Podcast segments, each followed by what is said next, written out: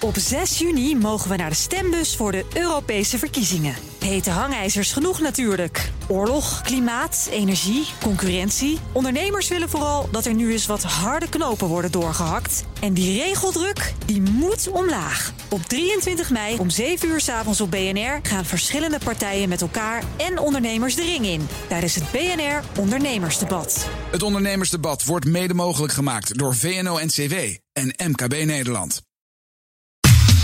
Wetenschap vandaag.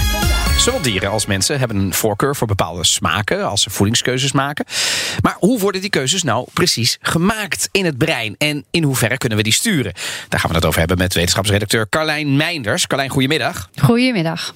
Ja, ik weet niet of ik liever wil dat het antwoord is ja, dat kun je sturen. Of nou, misschien toch wel beter nee, dat kun je niet. Nee, nee voor allebei is misschien wel wat te zeggen.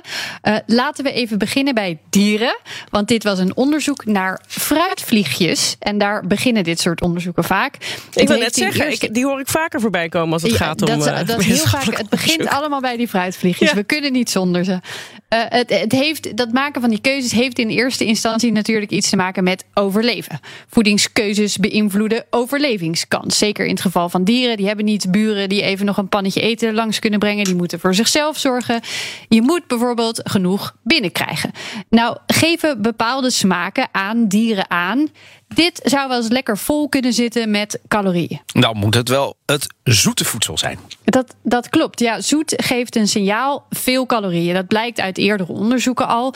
Maar bitter bijvoorbeeld geeft aan mogelijk giftig, niet opeten. Ze verkiezen daarom zoet, goedvullend eten boven bitter, mogelijk giftig voedsel. Onderzoekers wilden nu dus weten wat er nou in het brein gebeurt als deze keuzes worden gemaakt. En wat gebeurt er als ze dit gedeelte van het brein een beetje gaan beïnvloeden, verandert die keuze dan misschien? En kan dat ook iets zeggen over hoe de mens dan voedingskeuzes maakt en hoe wij dat doen?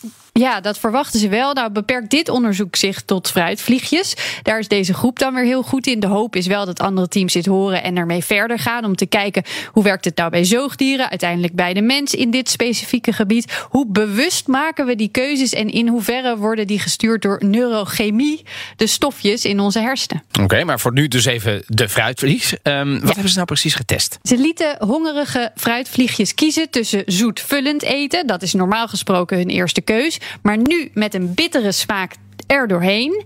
En minder zoet, minder vullend eten zonder die bittere smaak er doorheen. Er werd daarmee dus eigenlijk een soort calorieën versus smaak. Uh, getest. En terwijl die vliegjes hun keuze maakten, keken ze naar de activiteit in hun hersencellen. Ja, en dan begint hier weer de alfa. En dan denk ik, een fruitvlieg, kun je zelfs activiteit ja. zien ja. in een fruitvlieg? Daar zijn ja, er zijn technieken voor om de activiteit in de hersencellen te meten. Leg ik graag nog een andere keer uitgebreid uit. Okay. Maar die, die, die hersenactiviteit werd dus gemeten. Terwijl die vliegen op een petrischaaltje uit twee verschillende soorten eten konden kiezen. Nou, dan ben ik benieuwd. Wat wonder, calorie of smaak? Ze keken eerst uh, wat kiezen ze in verschillende stadia van honger.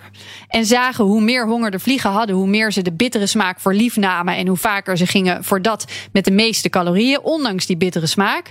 En toen zijn ze gaan kijken in dat brein. Wat is er actief en wat als we die bepaalde gebieden gaan beïnvloeden? Oké, okay, dat, dat kan dus allemaal in de hersenen van een fruitvlieg, begrijp ik. ja. Het verhogen of verminderen van activiteit in bepaalde hersencellen in de vlieg, dat kunnen ze ook. En daardoor zagen ze iets bijzonders, vertelt onderzoeker Michael Nittenbach van Yale School of Medicine. some of the manipulations and some of the cells that we manipulated have previously been known and, and, well understood to, to sort of set for the animal its hunger state and thus influence in a general way how it reacts to its environment vis-a-vis being hungry versus not hungry.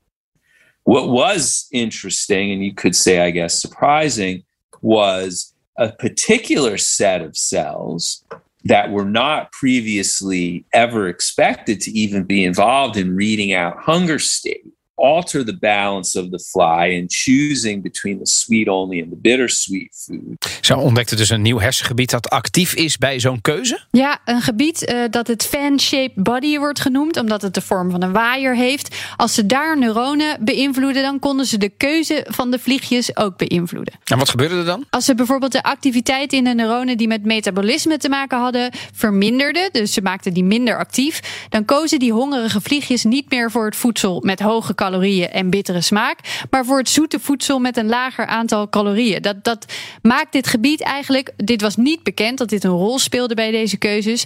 Um, en ondanks dat het er niet hetzelfde uitziet bij ons uh, als bij uh, zo'n vliegje, maakt het dit gebied wel heel erg interessant om verder onderzoek naar te doen. Trying to understand how people choose between like broccoli and potato chips is a important question in terms of human behavior, human health, and, and all that kind of stuff.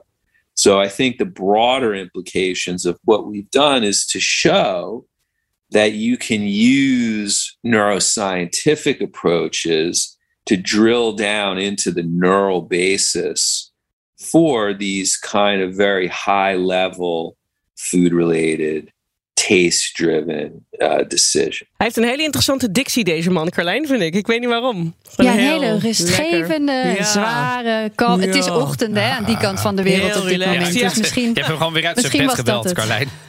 Wordt Ja, sorry. vervolgd dus. Ja, dit wordt nog vervolgd. Dankjewel, Carlijn.